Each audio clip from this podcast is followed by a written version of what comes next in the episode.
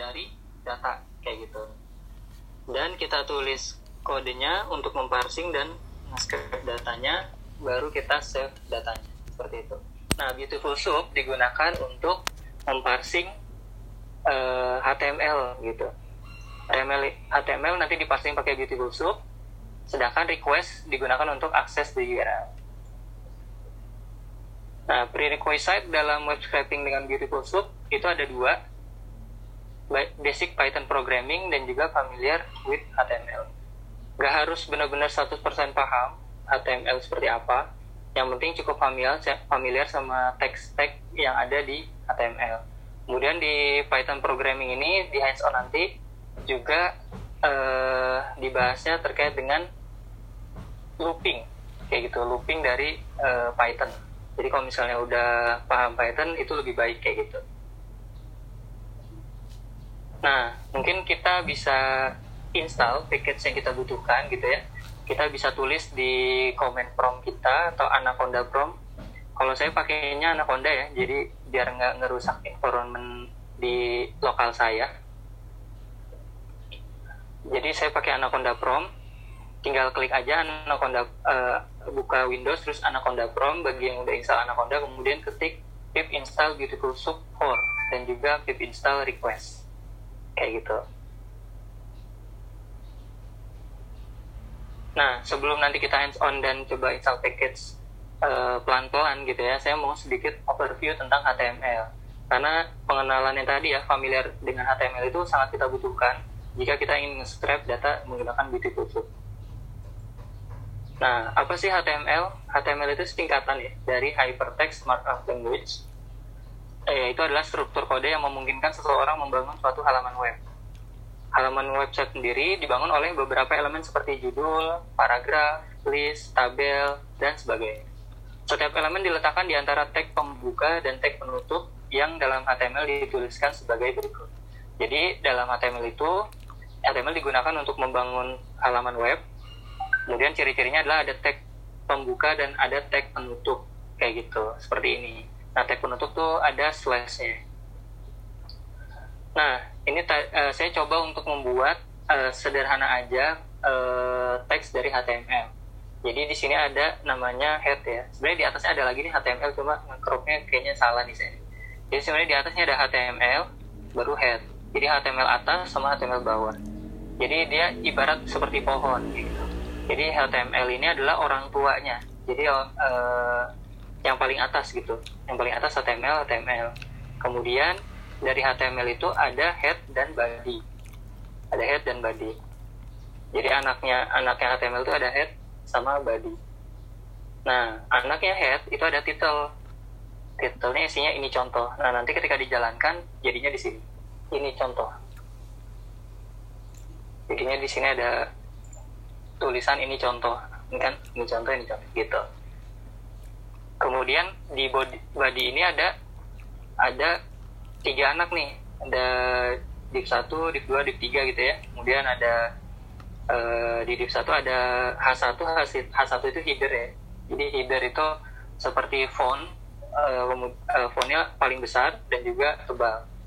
Nah kelas kelas ini adalah atribut dari tag H1 namanya bebas ya. Saya di sini ngasih head 1 kemudian tulisannya web scraping menggunakan Python. Nah nanti keluarnya seperti ini. Web scraping menggunakan Python. Nah kemudian di div 2 gitu ya saya tulis H2 gitu sebagai tagnya. Kelasnya head 2 bedain sama ini gitu ya. Kemudian isinya adalah langkah-langkah maka keluarnya seperti ini. Nah kemudian di uh, div yang ketiga itu ada PP itu paragraf. Jadi saya ingin menuliskan kata-kata seperti itu. Kata-katanya cukup panjang, e, berupa paragraf ya, apa, apa namanya metodenya paragraf, punya atribut class namanya konten, kemudian ada ID seperti itu. Nah ini bedanya apa? Jadi ini atribut ya class sama ID. Jadi ini classnya sama, tapi ID-nya dibedakan. Kalau sama ya bingung juga kan, ID kan harus berbeda, harus unik kayak gitu kemudian ini isinya tentukan halaman web gitu kan dan seterusnya nah ini adalah contoh ketika uh, apa namanya struktur dari HTML nah di sini ada sedikit rangkuman bagaimana tag dan fungsi dari uh, HTML, uh, tag HTML gitu ya. Ada style digunakan untuk mendefinisikan informasi style atau CSS pada dokumen. Jadi CSS itu uh, digunakan untuk memberikan style pada uh, HTML kita, kayak gitu. Halaman web dengan HTML. Kalau misalnya seperti ini doang kan nggak seru ya web kayak gini doang, gitu. Nggak ada warnanya segala macam, tapi untuk bisa didesain lebih bagus itu menggunakan CSS. Cuma kita nggak belajar CSS karena nggak perlu juga di di sini gitu. Tapi kalau misalnya teman-teman tertarik untuk bikin web ya bisa gitu belajar. Kemudian HTML ini tag untuk membuka dokumen HTML jadi dia harus yang paling atas kayak gitu. Jadi parent gitu. Kemudian head sama body tadi ya digun uh, kalau head itu digunakan untuk membuat informasi tentang dokumen. Kemudian kalau body itu membuat badan dokumen yang berisi konten dari HTML dokumen. Seperti heading, paragraf, gambar, tabel, list, dan lain sebagainya Kemudian div digunakan untuk membuat bagian dari dokumen. Kemudian H1, H2, H3 dan seterusnya itu digunakan untuk membuat heading. Jadi semakin besar angkanya, uh, ukuran headingnya semakin kecil. Kemudian P digunakan untuk membuat paragraf. Kemudian table, TR, TD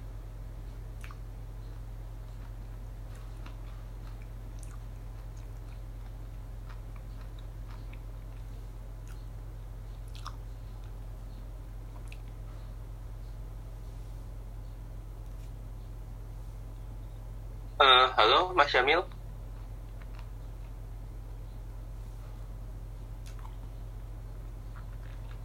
Oke, teman-teman, uh, mohon ditunggu sebentar. Sepertinya sedang ada permasalahan teknis ya. Ya, benar, Kak Rehan. Sepertinya Mas Syamil sedang terputus. Uh, mohon ditunggu sebentar.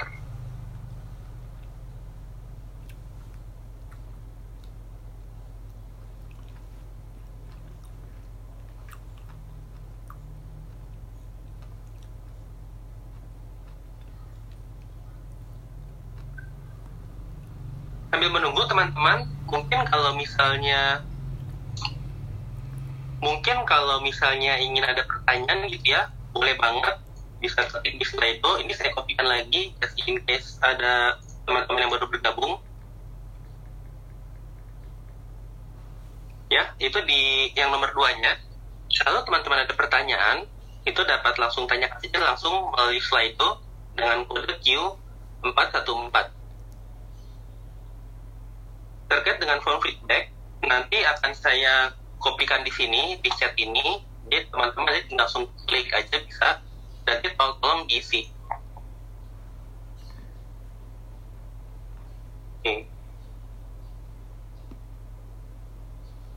Oke teman-teman mohon tunggu sebentar ya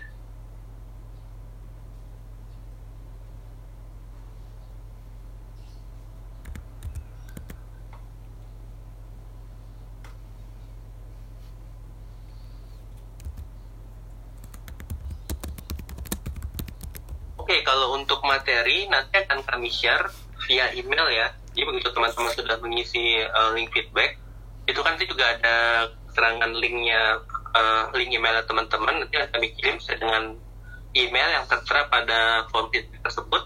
Untuk video record, ini sebenarnya kami record untuk dokumentasi keperluan dokumentasi saja.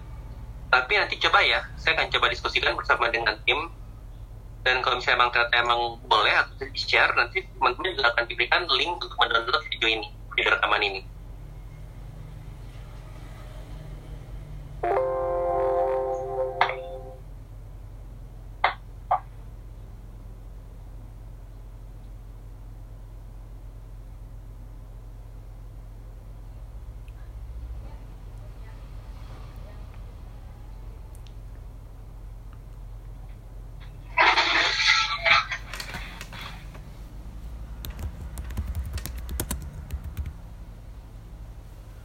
Mas Syamil?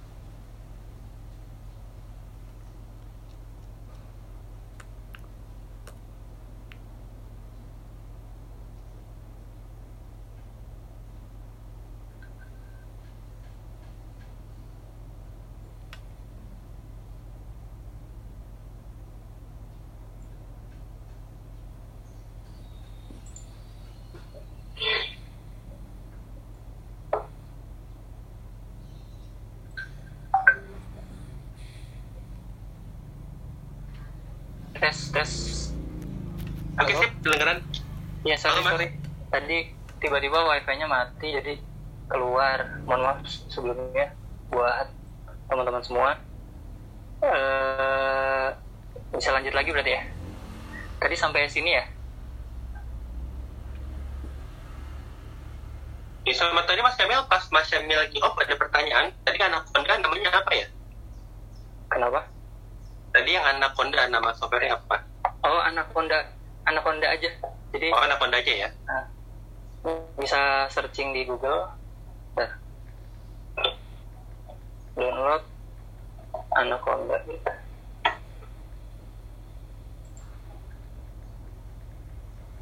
nah di sini. Ini download aja kayak gitu. Terus install biasa tapi kalau misalnya udah ada Python di di komputernya udah install Python terus udah ada Visual Studio atau editor lainnya bisa juga pakai itu. Oke lanjut dulu ya. Sedikit lagi sebelum hands on. Ya jadi eh, tadi sampai di kelas dan ID HTML sebagai atribut ya. Atribut dari tag kemudian kelas dan ID ini digunakan untuk apa digunakan untuk penerapan CSS pada elemen HTML jadi nanti di HT, eh, di CSS itu kan kita akan menspesifikasi eh, apa ya style dari halaman webnya. Nah, gimana cara aksesnya biar eh, spesifik itu menggunakan atribut ini. Dia akan membantu itu. Nah, mungkin kita langsung hands on aja karena lebih baik kita bisa dengan mengerjakan seperti itu ya. Bisa teman-teman bisa buka link di bawah weekend produktif, weekend strip produktif underscore web scraping, W-nya besar, S-nya besar. Jadi di sini ada PPT-nya, materi, ada materinya dan juga ada notebooknya. Jadi bisa di-download notebooknya, kemudian taruh di file teman-teman, mau bukanya di mana, seperti itu. Nah, bukanya bisa pakai Jupyter.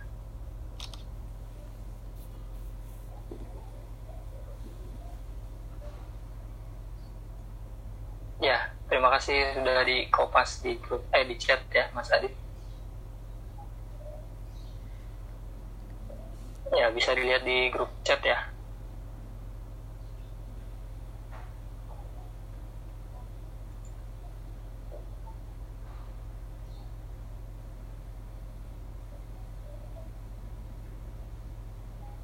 Oke.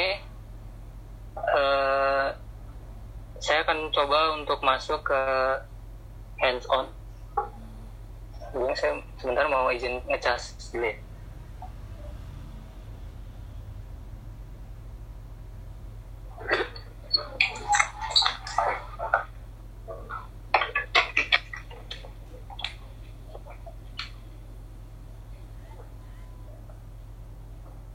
Oke, eh, saya akan coba untuk pelan-pelan saja. Misalnya ada yang mau ditanya, nanti bisa di Slido tadi ya. Kalau misalnya terkait teknis, mungkin juga bisa di chat, nanti saya juga sambil buka. Seperti itu. Nah, di hands-on kali ini kita akan coba untuk eh, menginstal dulu package yang akan kita butuhkan, yaitu request dan juga beautiful soup. Karena di Anaconda atau Jupyter ini, request dan beautiful soup ini bukan merupakan package bawaan. Package bawaan itu seperti NumPy, Pandas yang memang sudah familiar sekali digunakan di, di data analisis seperti itu ya. Jadi sudah terinstall di di Jupyternya. Oke. Nah, kemudian kita akan mengekstrak URL, kemudian ekstrak data dari web page dan juga menyimpannya dalam CSV. Jadi pertama kita uh, install dulu paketnya dengan cara pakai tanda seru gitu ya kalau lewat Jupyter tapi kalau misalnya lewat Anaconda Chrome lewat uh, kernelnya itu tinggal pip aja nggak pakai tanda seru. Pip install beautiful soup 4 dan juga pip install request. Ini karena saya udah install jadi tulisannya requirement already satisfied. Jadi sudah ada. Astaga ya. Oke lanjut Nah, setelah diinstal kita bisa mengimport package gitu. Misalnya search import. Import package. Jadi kita akan menggunakan uh, yang inti adalah menggunakan beautiful soup dan juga request tapi di sini ada tambahan fake user agent jadi apa itu fake user agent jadi kalau misalnya kita uh, kita misalnya menggunakan Chrome gitu ya kita menggunakan Chrome kemudian kita mengakses website maka Chrome itu adalah agent kita. Jadi kita akan uh, kita ingin mengakses suatu web misalnya sifakademi.id gitu ya. Kemudian kita menggunakan Chrome sebagai uh, agen kita untuk menghubungkan kita ke sana. Nah ketika web scraping kalau misalnya teman-teman mau juga bisa menggunakan user agent. Untuk apa? Jadi nanti web yang akan kita scraping itu tidak menangkap kita adalah uh, dia tidak tahu kalau misalnya kita adalah orang yang sedang menggunakan misalnya Jupiter gitu dalam akses webnya. Tapi dia akan sangat uh, uh, apa di datanya mereka itu uh, yang sedang mengakses adalah Chrome seperti itu. Nah di sini saya menggunakan user agent. Kalau misalnya belum ada user agent juga install. Jadi fake uh, pip install fake strip user agent. Seperti itu. Kalau misalnya kalau misalnya lupa jangan jangan takut misalnya untuk googling ya. Misalnya kita ketik pip install with fake user agent. Nanti kan ada keluar paypay-nya nah fake strip user agent seperti itu. Oke. Nah mungkin saya pelan-pelan untuk membahas ya. Yang pertama kita melakukan URL ekstraksi, extraction. Jadi kita mengekstrak URL-nya. Nah, di, di sini saya menggunakan user agent. Jadi UA adalah variabel yang menyimpan user agent, kelas dari user agent. Kemudian header variabel sama dengan dictionary user agent yang berisi value ua.chrome seperti itu. Kemudian page variabel page itu adalah kita menggunakan request untuk mengakses link ini. Boston Craigslist Search Soft jadi ini adalah uh, iklan baris di Boston ya. Saya tulis di kolom chat. Kalau misalnya ada yang ngikutin pelan-pelan bisa. Ini di file IPNB nya bisa didapatkan di di link tadi ya. Linknya ada di atas juga di chat kayak gitu. Nah di sini kalau misalnya kita buka webnya ya kita buka webnya nah di sini berisi iklan baris dengan kategori pekerjaan bidang software. Di sini ada data science fellowship dan seterusnya. Nah kita akan nge-crawl data dari sini. Nah kemudian karena tadi kita menggunakan user agent ada tambahan atribut header sama dengan header. Kemudian coba kita print page-nya. Jadi kan page ini kita ngakses URL ya. Get get URL Nah, ketika respons uh, ada tulisan respons, kemudian status code. Di sini status code-nya 200 yang artinya sukses. Seperti itu. Jadi kalau misalnya status code-nya itu uh, angka depannya satu gitu ya, maka dia akan uh, uh, statusnya itu adalah memberita uh, webnya akan memberitahu informasi-informasi uh, terkait link uh, ter terkait dengan URL tersebut. Kalau misalnya dua, dua 200-an gitu ya maka sukses. Kemudian tiga diarahkan ulang ke URL lain gitu ya. Kemudian kalau empat ratusan itu berarti kita gagal ya klien error kita gagal mengakses uh, eh, URL-nya uh, kalau misalnya pakai uh, not uh, Google Colab itu akan muncul status code-nya 400-an karena IP-nya itu bukan IP lokal kita gitu nah kalau 500-an itu servernya ya Oke, karena ini responsnya 200 berarti kita udah sukses mengakses URL. Kemudian, oh iya, kalau yang belum pernah menggunakan Jupyter dan berhasil install Anaconda, Anaconda ini ada kotak box gitu ya, tinggal shift enter aja untuk menjalankan code. Oke, kemudian kita uh, melakukan parser dengan Beautiful Soup. Jadi data yang tadi ya, data ini, uh, data ini variabel baru diambil dari page text. Jadi kalau misalnya kita lihat isinya data gitu ya. Nah, dia akan berisi teks HTML dari web tadi, dari sini ya. Dari halaman web ini akan berisi teks HTML. Jadi data sama dengan text.text. kemudian karena ini nggak enak banget ya uh, ngelihat juga nggak enak kita menggunakan beautiful soup untuk memparser. Memparser dat, uh, teks HTML uh, yang ini. Nah di sini disimpan dalam namanya soup. Soup sama dengan beautiful soup kemudian datanya apa? Datanya ini data ya. Data kemudian uh, kasih atribut HTML parser. Seperti itu. Nah ketika sudah kita bisa print soup. Nah kan seperti ini gitu ya seperti ini e, lebih rapi lah ya daripada data seperti itu nah cuma kalau misalnya kita mau lihat lebih rapi lagi itu pakai Prettify jadi ada indentasinya indentasi itu kayak spasi yang menandakan oh ternyata kalau misalnya ini ada anak dari HTML gitu. title adalah anak dari head karena secara spasi dia berjarak seperti indentasinya Oke, nah ini ada contoh ya. Contoh, misalnya dari dari Boston Software ini, kita akan mengambil dari uh, dari teks HTML ini adalah yang tagnya berupa A. Ada yang masih ingat nggak A itu berarti apa? A itu adalah link ya. Jadi infor, uh, tag A itu adalah ketika dia ingin menambahkan link di web tersebut. Jadi menggunakan teks variabel teks gitu ya all. Jadi dia akan mencari semua tag yang buru, uh, tagnya a. Seperti itu. Nah kemudian dengan menggunakan looping for loop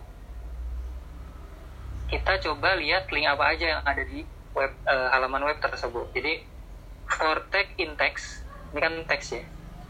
Print tag dot get href. href ini adalah uh, link nih seperti ini href Nah, harif sama dengan nah, jadi linknya seperti itu. Jadi uh, setelah dapat nih semua tag yang A, yang pastinya itu berarti ada linknya, get harifnya, dapat linknya. Jadi nanti keluar seperti ini. Gitu, ini linknya, linknya gitu ya. Seperti itu.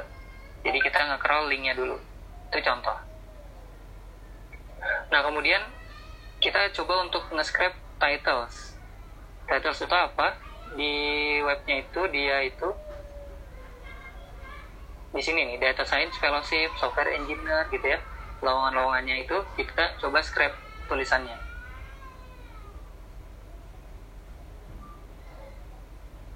Kita coba scrap tulisannya. Jadi titles sama dengan sub find all a. Berarti kita akan uh, mengakses tag yang A, kemudian kelasnya adalah result title. Nah ini tahu dari mana? Tagnya dan segala macamnya itu. Sebentar. Jadi cara tahunya adalah kita klik kanan, misalnya kita ingin meng-scrap ini, misalnya kita klik kanan, kemudian inspect. Nah dia akan keluar teks HTML dari halaman ini. Seperti itu.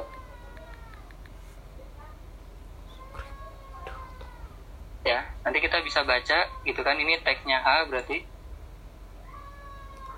Kemudian ini linknya. Kemudian ini tulisannya gitu ya. Kemudian kelasnya dan seterusnya. Nah di sini kelasnya di title itu adalah result title. Nah oke. Okay. kemudian dari semua yang bertag A dan mempunyai kelas result title itu dimasukkan ke dalam titles. Nah, untuk melihat ada apa aja kita menggunakan looping lagi gitu ya. For title in titles. Nah, ketika gitu, print title dot text. Kita bisa print. Karena kalau misalnya kita nggak pakai text, nah, maka yang keluar adalah ya. uh, ini teks HTML-nya. Uh, eh, lebih Jadi A, lah ya daripada kemudian kelasnya adalah result title. Gitu ya. Kemudian kalau pakai teks, berarti yang keluar adalah isi teksnya. Yaitu data science fellowship, software engineer, dan seterusnya. Seperti itu.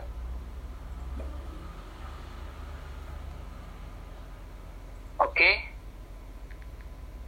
Uh, selanjutnya, kita akan coba untuk mengakses alamat. Jadi di di linknya ini gitu ya. Di sini kan ada misalnya ini ya senior technical support engineer. Ini ada alamatnya di Boston Cambridge Brookline gitu ya. Ini Cambridge. Nah kita juga ingin mengakses ini. Gitu. Gimana caranya?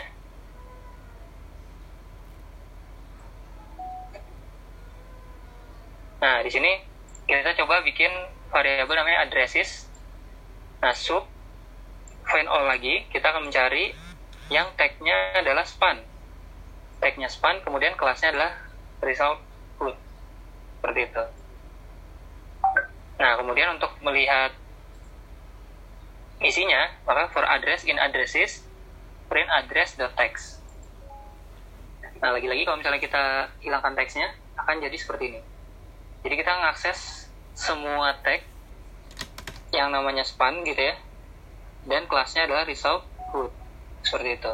Nah ini teksnya nih Cambridge Boston gitu ya nah kita kan mau ambil ininya aja makanya pakai dot text. Seperti itu.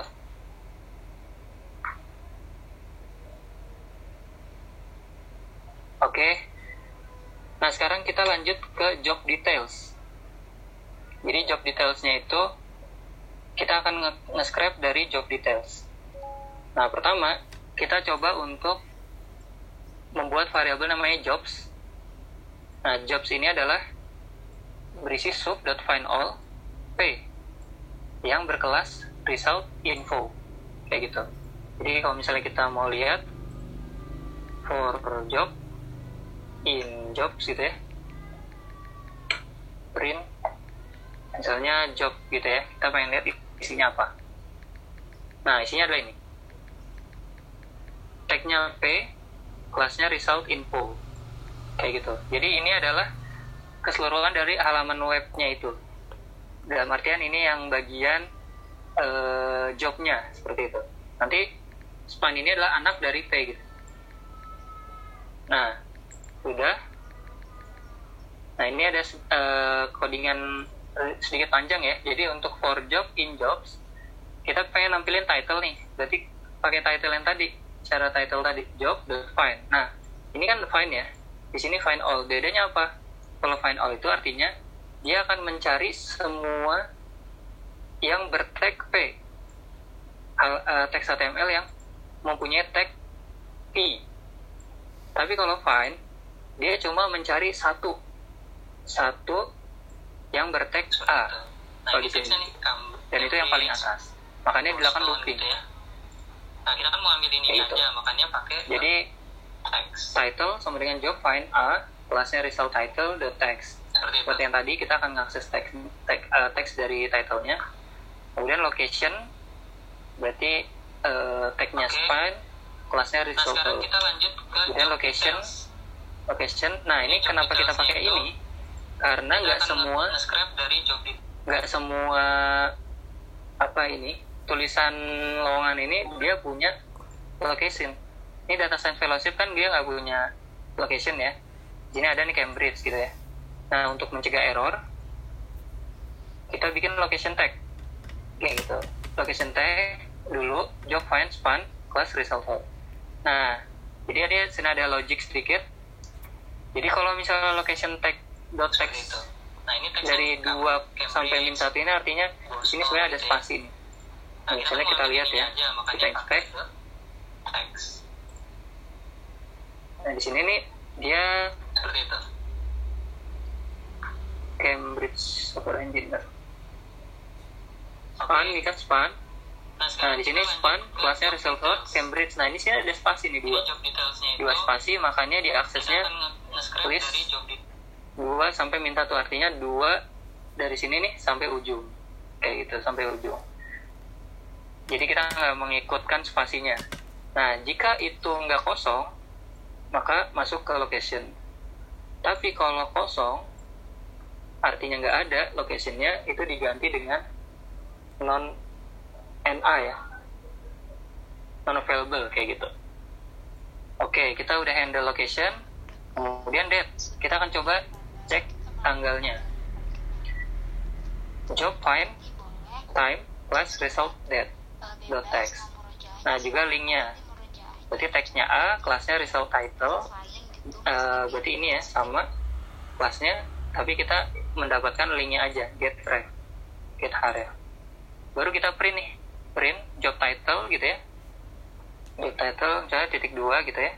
Title kemudian enter ini slash uh, uh, backslash n ini artinya enter ya.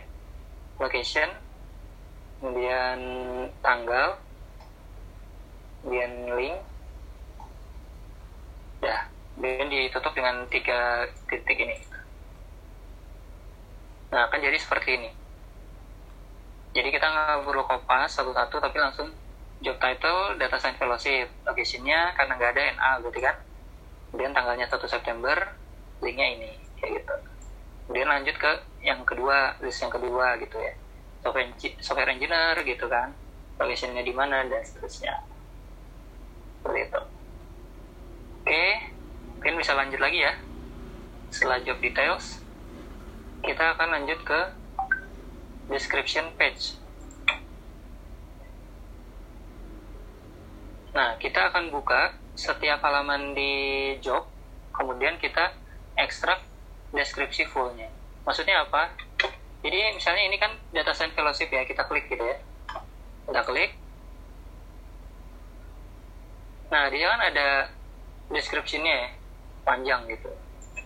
Nah, kita akan nge-scrap ini gitu. Di setiap di setiap list pekerjaannya kayak gitu.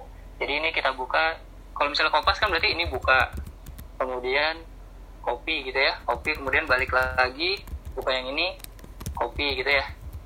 Nah kita akan coba untuk otomasi jadi nggak nggak seperti itu kayak gitu. Nah nanti hasilnya akan seperti ini misalnya ini ya. Job title data science fellowship ini nambahinnya tadi ya ini udah ada kan? Nah ini nanti ada descriptionnya job description. Kayak gitu. Nanti di bawah nah ada nih. Pekerjaan kedua gitu ya software engineer dan seterusnya. Jadi kita nggak perlu kopas satu-satu. Nah gimana uh, codingannya? Kita bahas pelan-pelan. Jadi for job in jobs kayak tadi ya karena P ini adalah tag paling atas nih for job in jobs ini di job yang ini nih. Jobs find all P class result info dia parent dari satu halaman web itu di bagian infonya. Di bagian badinya dia parentnya. Oke kemudian titlenya sama kayak tadi ya location juga sama date-nya juga sama linknya sama. Nah sekarang tambahin job response. Jadi variabel job response ini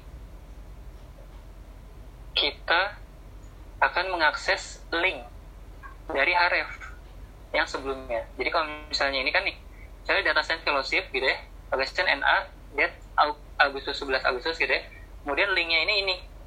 Jadi kalau kita klik ini maka akan masuk ke description dari data, data science fellowship gitu ya.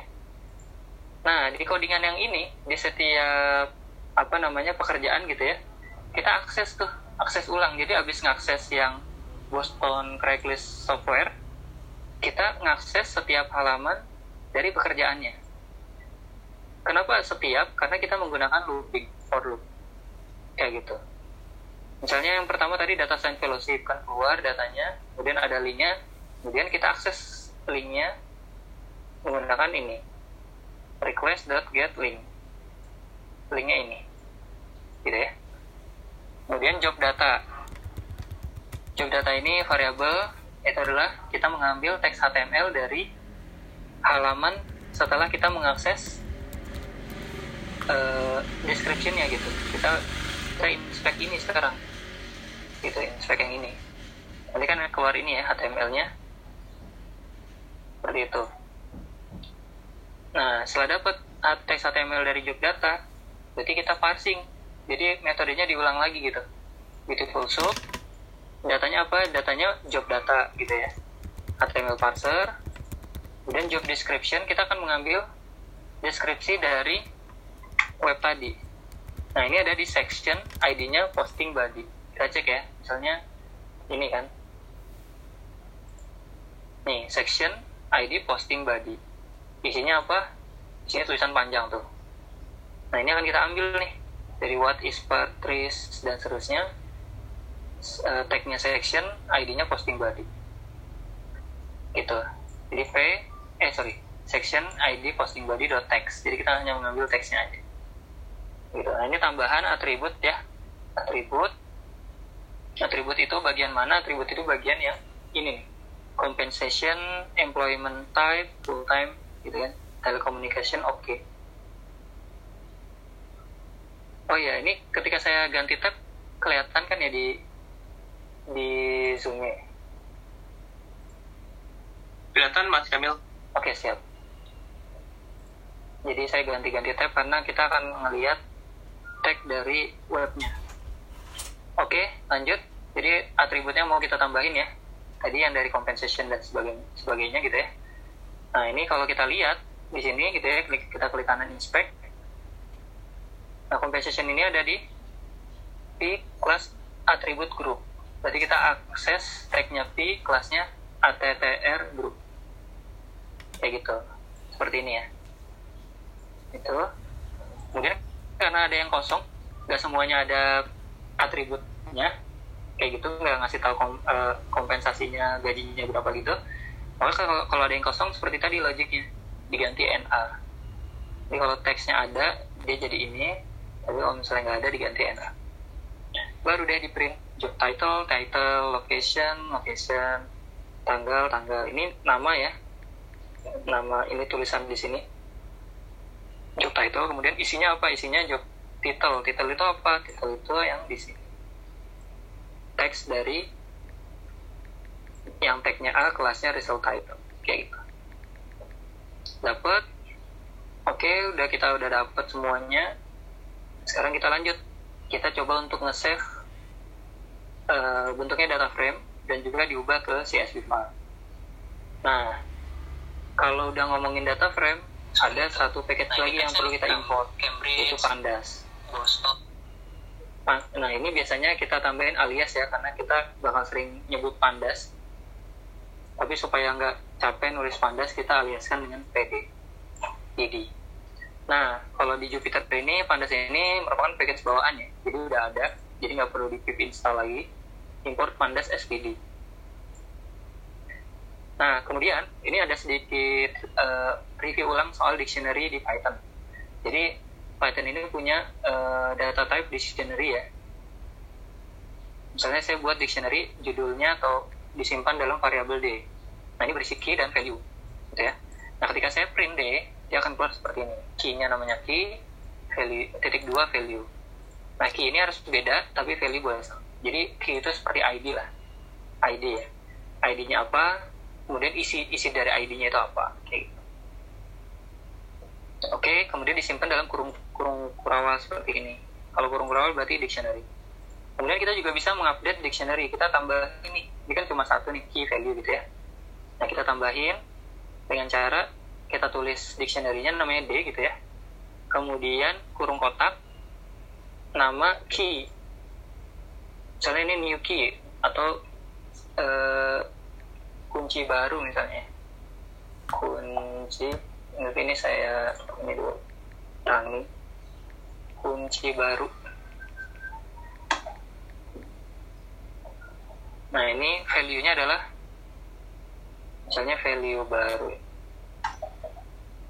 nah ketika dijalankan jadi ada dua nih tadinya key value doang sekarang ada kunci baru value nya value baru gitu Nah, buat apa dictionary? Karena pertama konsepnya adalah ketika kita mau simpan di CSV, data yang tadi kita crawl ini Seperti kita itu. ubah ke bentuk nah, ini teksnya nih. dictionary dulu.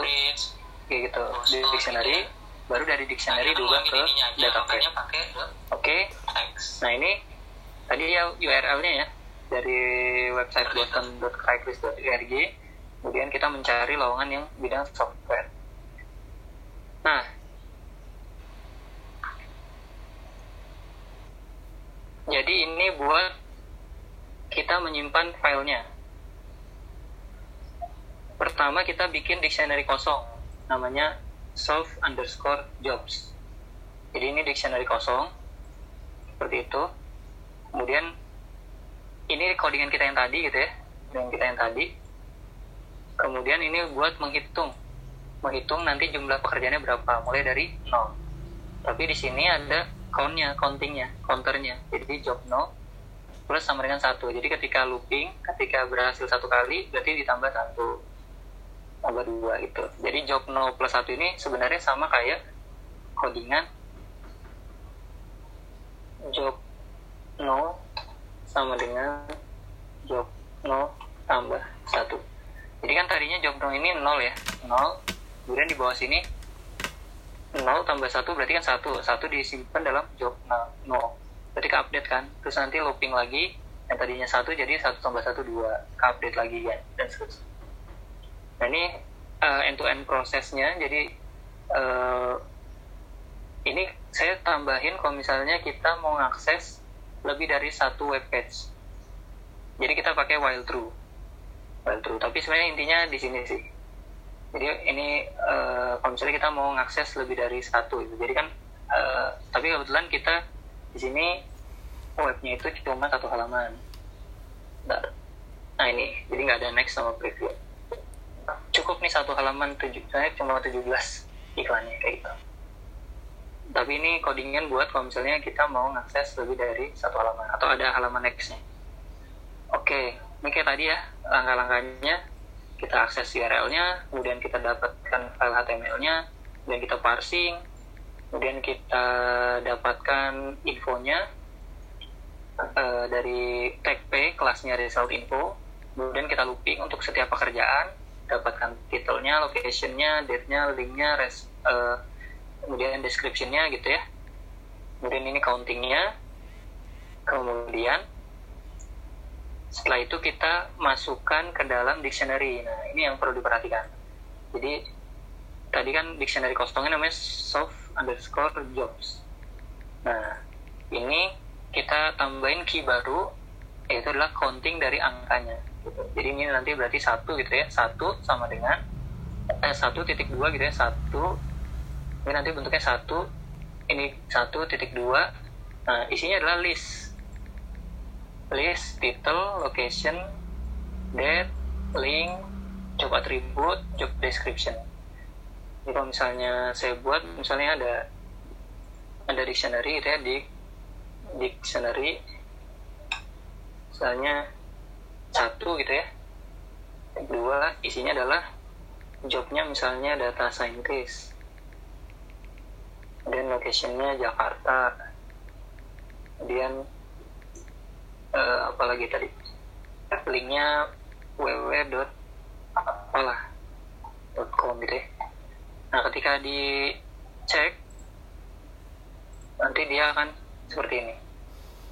Jadi dictionary key-nya satu listnya seperti ini. Nah ini akan looping nih dia.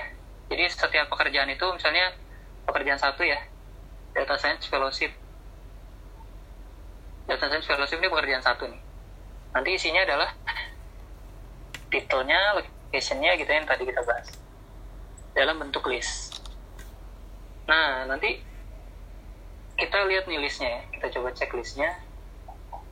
So nah ini dia bentuknya list nih.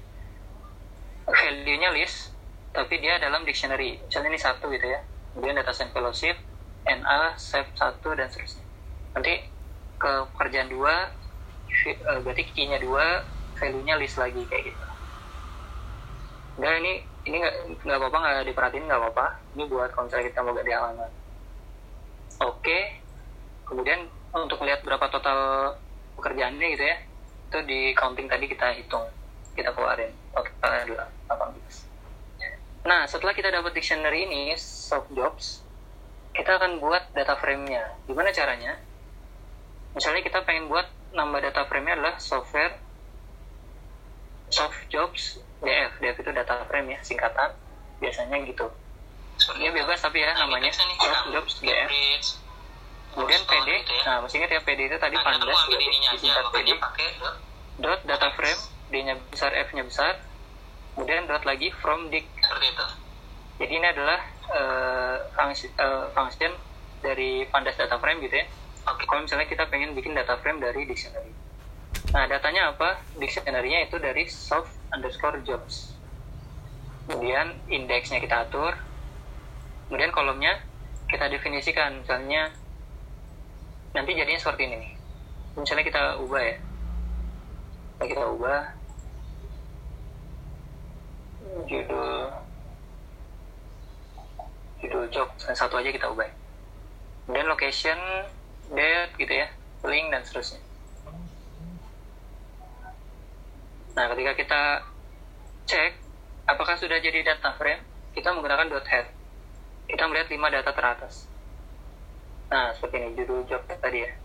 Kolom begitu. Jadi udah jadi data frame nih dalam bentuk data tabular nama pekerjaannya lokasinya tanggalnya linknya apa atributnya gitu ya.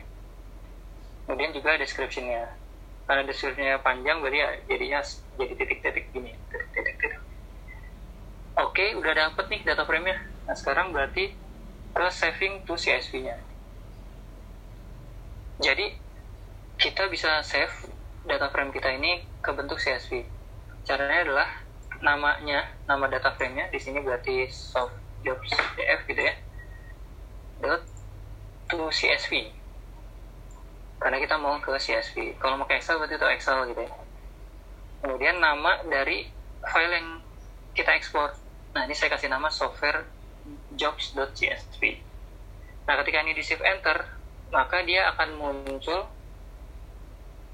di file lokal kita CSV nya saya stop share dulu.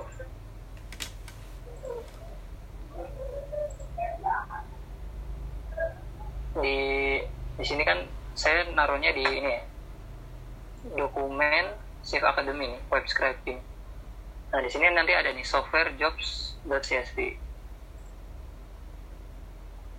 misalnya dokumen Shift Academy web scraping. Nah di sini ada software jobs.csv ini kalau kita buka nah jadinya seperti ini. Ya CSV itu kan koma separated value ya jadi dia dibatasi sama koma. Biasanya bukanya di ini juga oke okay sih. Di notepad juga juga oke okay, gitu ya.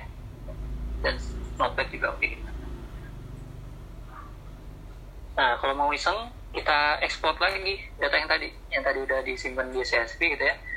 Buat memastikan bahwa datanya udah berhasil kita simpan kita ekspor lagi berarti pandas pd ya dot read csv kalau tadi kan uh, pandas.data frame berarti kita membuat data frame. Tapi kalau ini pandas.read.csv berarti kita membaca CSV file apa yang mau kita baca namanya software jobs.csv kayak gitu. Kemudian kita cek lima data teratas jadi seperti ini. Nah ini uh, biasa ya ada penambahan kolom yang kopian indeks jadi nanti bisa dihapus. Kayak gitu. Oke mungkin itu semoga nggak terlalu kecepatan nanti bisa diulang kalau misalnya dia mau ditanya karena uh, durasinya hanya sampai setengah dua, setengah dua ya Jadi dicukupkan dulu terkait dengan uh, hands on-nya. Teman-teman bisa dapetin filenya di link yang sudah saya kasih tadi ya, dan sudah ada di kolom chat juga di Kopas sama Mas Adit tadi. Mungkin sekian dulu, saya mau kasih ke Mas Adit dulu deh, kayak gitu.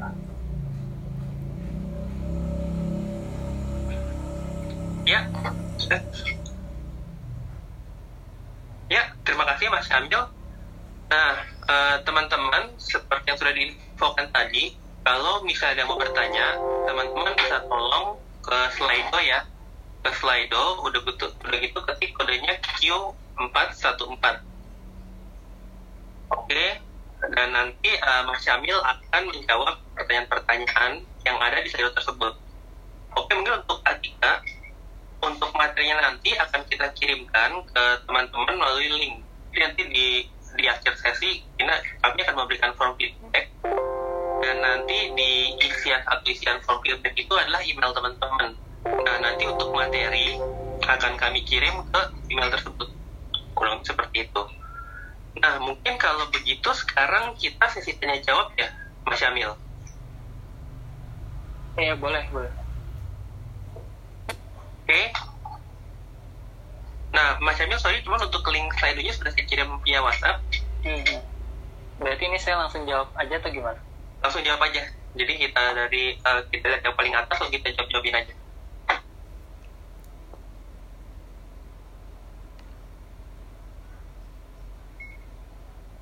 Oke, ini ada yang bertanya tentang uh, ketika kita menemukan isi dari web yang akan kita scraping berada pada shadow root ya. Apakah proses scraping bisa dilakukan? Nah shadow root sendiri itu apa?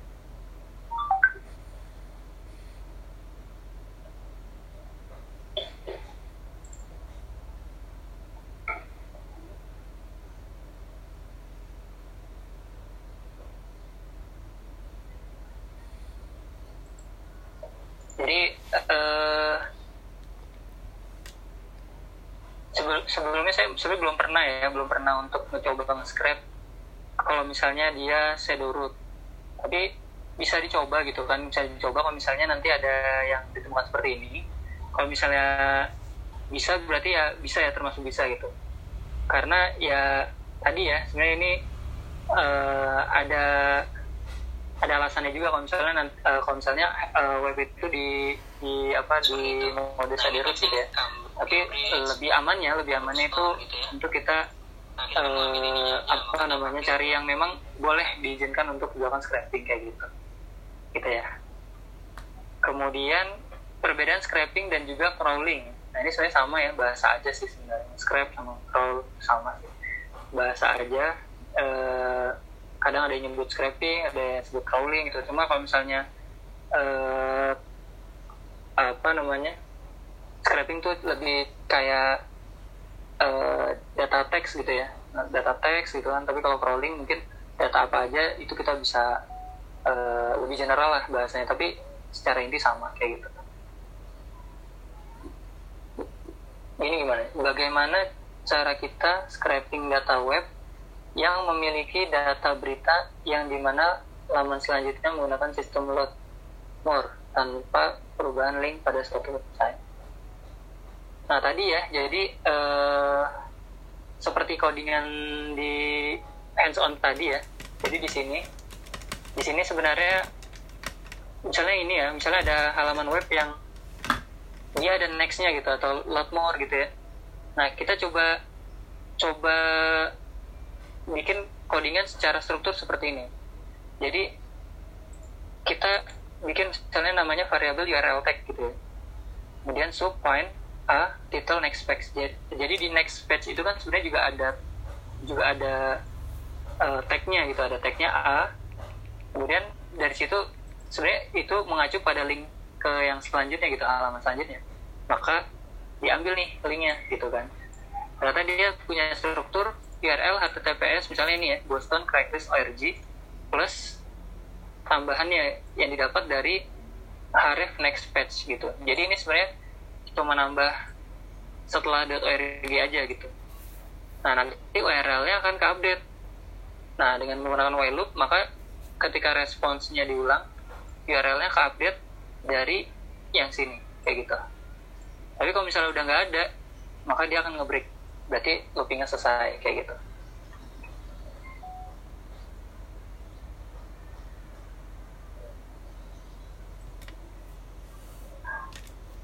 Oke. Nah iya sebelum di crawl kita perlu cek terlebih dahulu apa enggak apa enggak setnya bebas copyright atau enggak. Nah itu eh, tolong dicek dulu ya paling enggak dilihat uh, kalau misalnya kita nggak dapet nih uh, informasi tentang boleh di scrap atau enggak ya kita uh, perlu ada common sense juga gitu. Kalau misalnya webnya apa ya baiknya di uh, boleh atau enggak gitu. Kalau misalnya ini kan dia emang iklan baris ya. Iklan baris ibaratnya kalau di koran tuh ya iklan baris kan semua orang boleh ngambil gitu ya. Bahkan kalau zaman dulu kan dipotong gitu ya. Nah ini juga sama kayak gitu kan. Berarti kan ini sebenarnya open aja gitu untuk di untuk di crawl gitu untuk di scrap kayak gitu. Misalnya kita ini ya misalnya kita cek tokopedia.com gitu. Kemudian beberapa web tuh dia ngasih tahu nih kayak gini kan. Bagian mana aja yang nggak boleh di scrap Nah, iya, dan mana aja yang boleh. ternyata kita boleh nge-scrap di bagian karir gitu ya. kerjaan itu eh, tapi ya seperti ini gitu ja, ja, ya banyak yang nggak boleh gitu kan. Kayak gitu seperti itu. Nah, ini teksnya nih kamu Cambridge, Boston gitu ya.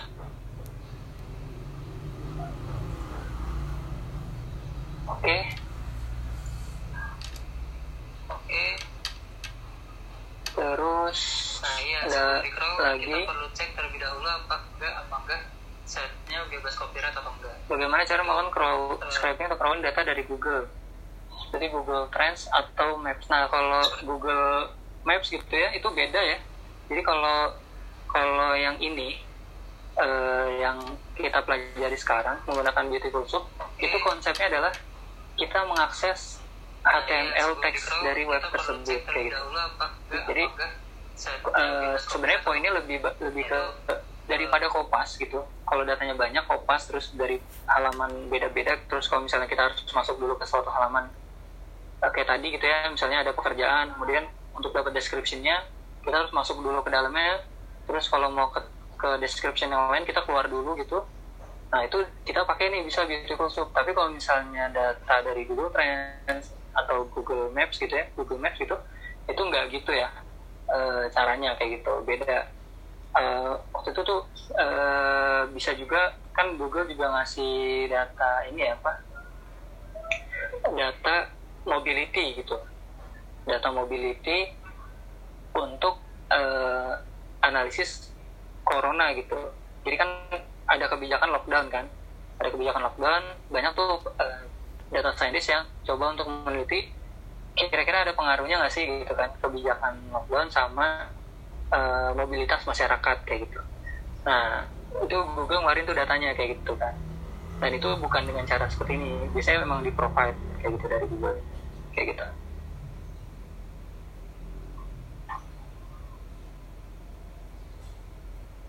kemudian ini ada pertanyaan juga dari oh ya tadi saya nggak nggak sebutin namanya ya. Di sini ada Muhammad Al Muhtadi bagaimana cara kita scraping data web yang memiliki data berita? Nah iya sebelum di crawl kita perlu eh, bukan cek tadi, sorry. apa oh, ini bagaimana memvisualisasikan data secara real time menggunakan Matplotlib library di mana framework web bekerja refresh tiap ada data baru yang diupdate pada web jadi ini uh, berarti bukan bahasan web scraping ya kalau misalnya uh, apa udah visualisasi menggunakan matplotlib itu berarti kan data analisis ya. Jadi data analisis ya benar matplotlib ini adalah package dasar gitu ya untuk melakukan data visualisasi di Python. Uh, sebenarnya ada yang lain juga ya ada ada Seaborn dan juga Plotly gitu ya. Nah kalau misalnya ini sebenarnya uh, bukan bahasan web scraping ya. Dan kalau misalnya kita mau memvisualisasi secara real itu biasanya kita pakai Tableau ya. Pakai Tableau juga bisa atau Power BI gitu ya. Misalnya uh, teman-teman kalau misalnya buka data corona jakarta.go.id itu visualisasi itu uh, kalau nggak salah pakai Power BI ya. Uh, kalau nggak salah ya.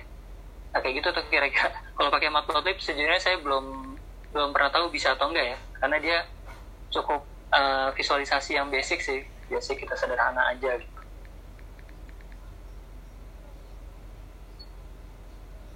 Kemudian dari Ian izin bertanya itu kan setelah kita buat di CSV type data untuk variabel link apa ya kak? Kalau jadinya string bagaimana biar tetap berupa link? Oke kita coba cek ya. Misalnya ini ya link ya berarti kan namanya itu data frame ya? Data frame. Oh ini aja data frame. Dot info ya misalnya.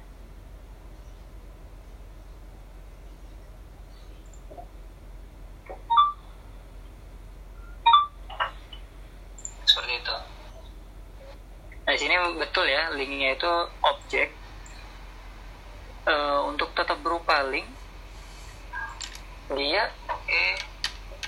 uh, nah, iya, sebenarnya kita perlu cek di Python sendiri setahu saya nggak ada ya data type berupa link gitu. Uh, dia memang kalau nggak string boolean gitu ya.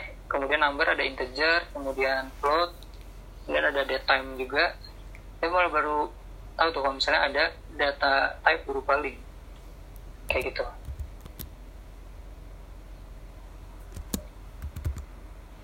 coba dicari tahu dulu.